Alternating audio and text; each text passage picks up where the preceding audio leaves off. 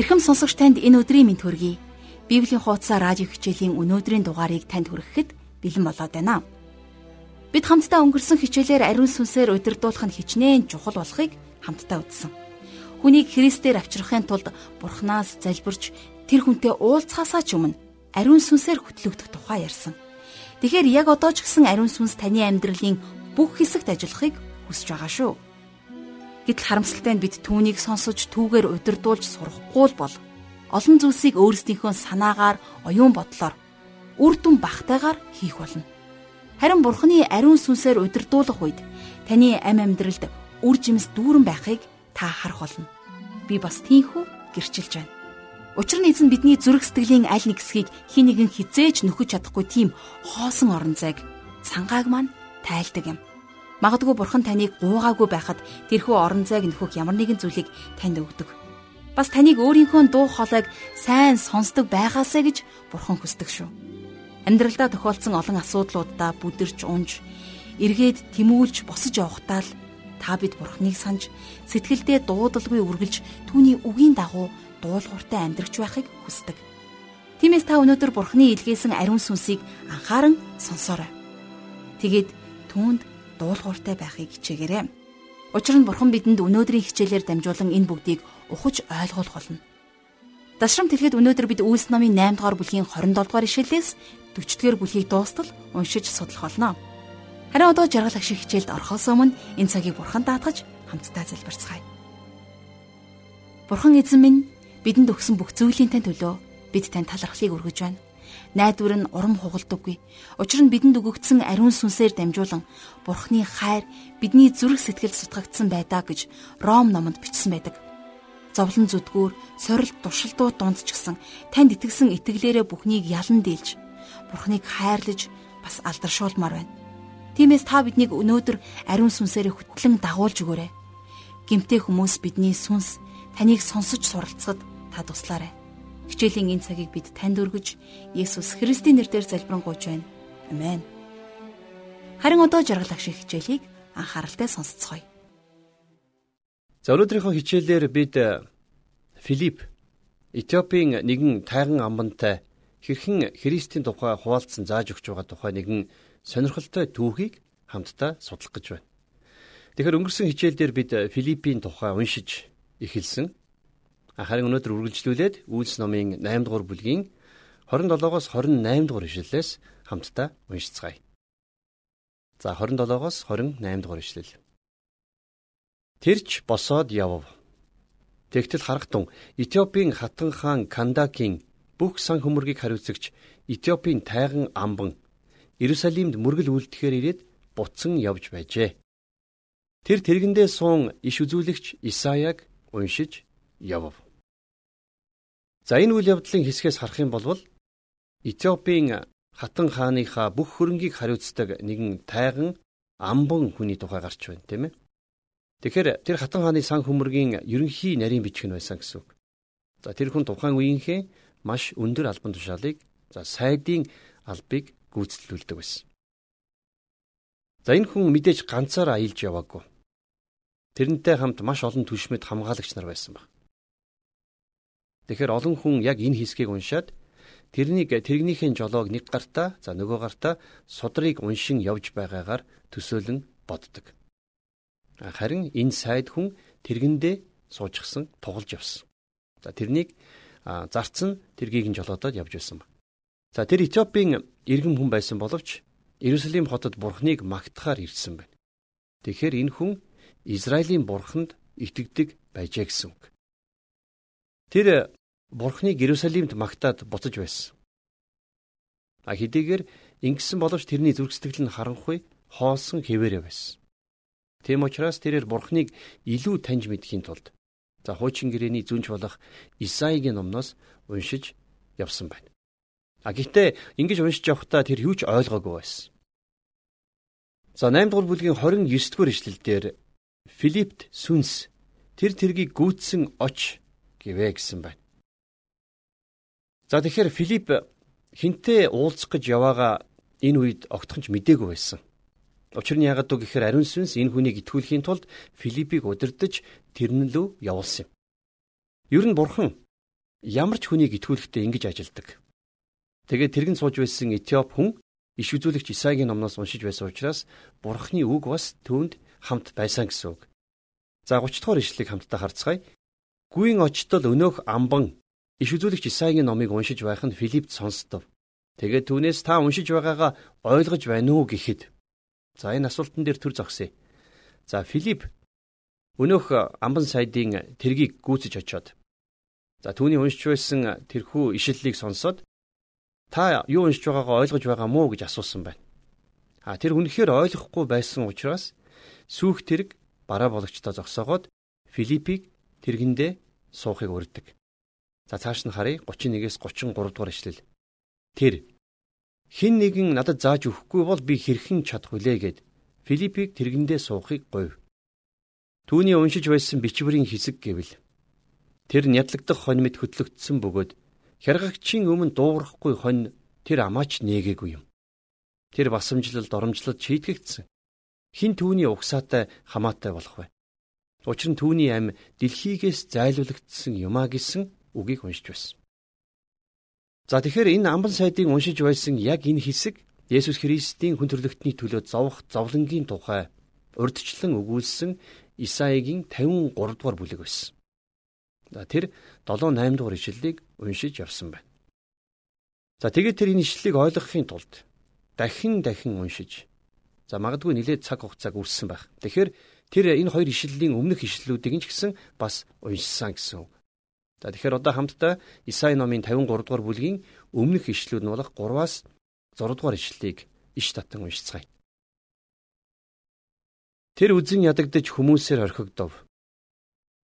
Тэр уй гашууны хүн бөгөөд өвчин зовлонг мэдсэн. Бид нүрээ түүнээс нуусан. Тэр үзэн ядагдж бид түүнийг хүндэтгээгүй. Үнэхээр тэр бидний өвчнийг өөртөө тээж бидний уу гашууг даав. Харин бид түүнийг бурханд яллагдж, цохигдож зовсон гэж бодов. Гэвч тэр бидний нүглийн төлөө хатгагдан бидний гмийн төлөө бяцарчээ. Бидний амар амгалангийн төлөө түүн дээр гисгэлт бууж, түүний шархаар бид итгэрсэн. Бид бүгдээрээ хонь мэд төөрч, хүмбэр өөрийн замаар явв. Харин эзэн бидний гмийг бүгдийг нь түүнд тохвоо гэж Исаи номын 53 дугаар бүлгийн 3-аас 6 дугаар ишлэлдэр бичсэн байна. За яг л энэ түүхийг Этиопийн амман сайд саяын уншсан ишлүүдийнхээ өмнө мэдээж уншсан байна. А гэхдээ энд яг юуны тухай, хэний тухай өгүүлээд байгааг нь тэр ойлгоогүй явсан. За тийм учраас Үлс номын 8 дугаар бүлгийн 34 дугаар ишлэгийг харах юм бол Мөнөөх тайган хүн Филиппт энэ иш үзүүлэгч хэний тухай яриад байна вэ? Өөрийнхөө тухай ярьж байна уу? Аль эсвэл өөр хин нэгний тухай ярьж байна уу? Надад хэлж өгөөч ээ гэсэнд. За тэр хүн үнэхээр ойлгохгүй байгаа учраас Филиппээс тусламж гуйхад хүрсэн байна. За тэр хоёрын уулзсан энэ газар тэрэнд бурхны тухай ярьж өгөхөд маш тохиромжтой газар байсан байна. Тэгэхээр бурхны сүнс иймэрхүү замаар бүх зүйлсийг нээн удирддаг. За тийм учраас Филипп түүнд Есүс Христийн тухай ярьж эхэлдэг. За 35 дугаар ишлэгийг харъя. Филипп амнэн тэрхүү бичвэрээс эхлэн Есүсийн тухай түүнд ярьж өглөө гэсэн байна. Ариун сүнс энэ дэлхий дээр аль хэдийнэ ирсэн. За тийм учраас энэ удаад Филипп ариун сүнсээр дүүрээд за бурхны үгийг ашиглаж ярьж эхэлсэн. За ер нь бол олон хүн бурхны тухай дуу сонсоод шууд итгэнэ гэж би боддгүй. Мэдээж тэр дуу хүний зүрх сэтгэлд маш гүн нөлөөлж Христэд итгэхэд нь нөлөөлөх боломжтой. А гэхдээ бурхны үг тэр дуунд байхгүй бол хүн жинхнээсээ бурхан зүрх сэтгэлээ нээн итгэх боломжгүй юм. Гэхдээ бурхны үгийг сонсоод түүнийг хүлээн авах нь бидний авралд үнэхээр хэрэгтэй юм шүү гэдгийг энд сануулмаар байна.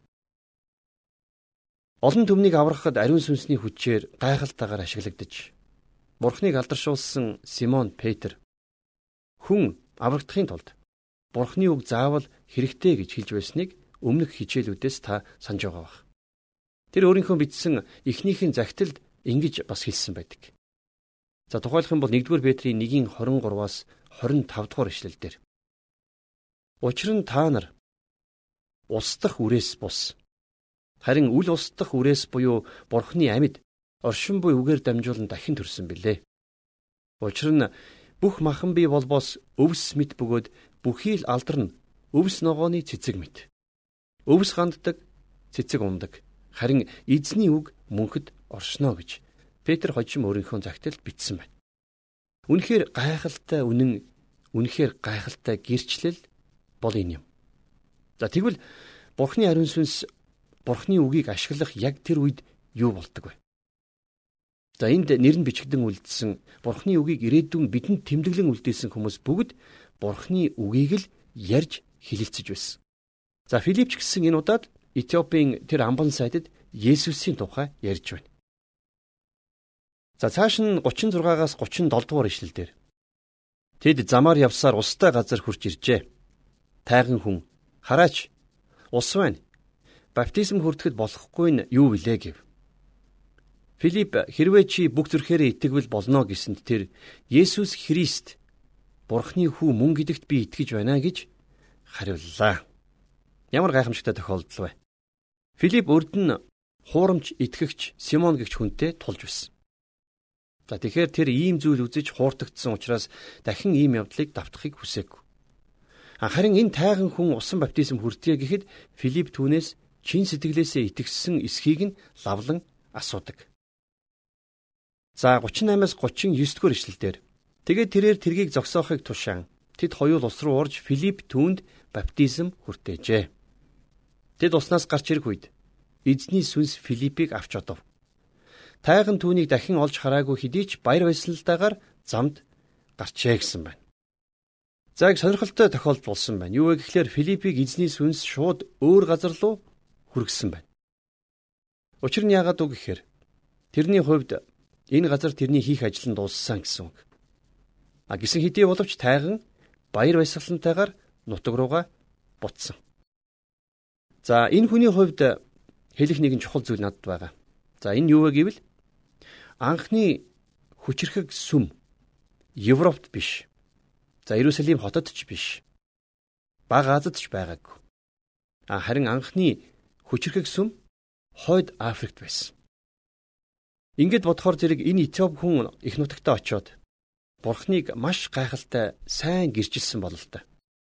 За тэгээд тэрний нөлөөгөөр анхны хүчрхэг сүм Иерусалимд биш харин Африк твд үүсэн бий болсон байна.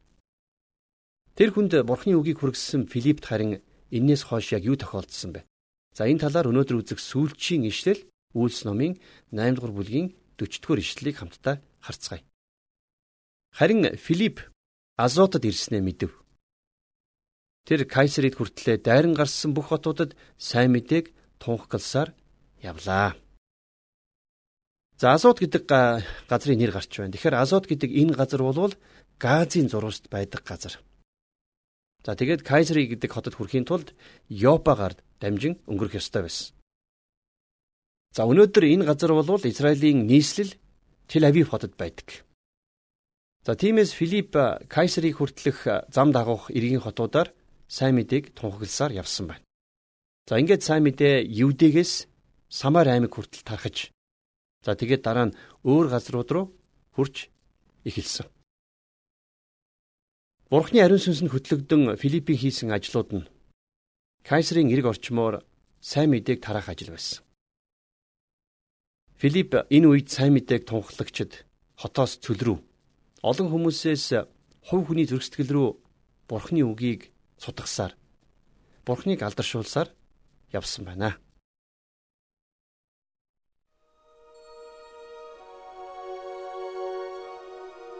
Тэгэхээр Бурхны үг ариун сүнсний хүч чадлын тухай бидэнтэй хуваалцсан жаргал агштаа үнэхээр их баярлалаа. Чин үнэн гэвэл Бурхны ариун сүнс Бурхны үгийг амьлуулж нээж өгдөө гэдэгт та итгээрэй. Зөвхөн бурхан л өөрөө хүнд сайн мэдээг илчилж өгдөг. Гэхдээ ингэж сайн мэдээг бусдад илчилж тунхаглахдаа ариун сүнсээр хин нэгнийг дүүргэж ашиглах болно. Магадгүй бурхан өнөөдөр таныг ч гэсэн хүмүүс рүү илгээхийг хүсэж байгаах. Харин та үүнд бэлэн үү? Сэтгэлээр хоосорсон бурхнаар цангаж яваа хин нэгэнд Филипп шиг бурхны үгийг дамжуулж чадах уу? Этиопийн хатан хааны амбан сайдад эд хөрөнгө, эрх мэдэл, албан тушаал гэд бүх зүйл түүнд байсан ч гэсэн сэтгэлийг нь дүүргэх нэг тийм орон зай байсаар л исэн. Тиймээс түүнийгээ дүүрэг гэхээр хаах бол Африкаас Ерүсалим орох урт аялалд гарсан. Бурхан хин нэгнийг хэсэг хүмүүсийг аврахын төлөө хин нэгэнд дуудлага өгдөг. Тэр хин нэг нь энэ удаа Этиоп хүн байсан. Тиймээс та түүний ариун сүнсэнд мэдрэмжтэй байж Бурханы хайрыг бусдад хуваалцаарай. Үнэхээр Бурханы үгээр дутагдан цангаж өлсөж яваа тэр олон хүмүүст та түүний үгийг хүргэж дүүргээрэй. Тэгэхгүй бол олон хүн сэтгэлдээ нэг л зүйлээр дутуу дөлмөг хоосон байгаагаа мэдсэн ч яах ч учраа олохгүй Бурханы үгийг сонсож таньж мэдхгүй байсаар аврагдахгүй байх вэ?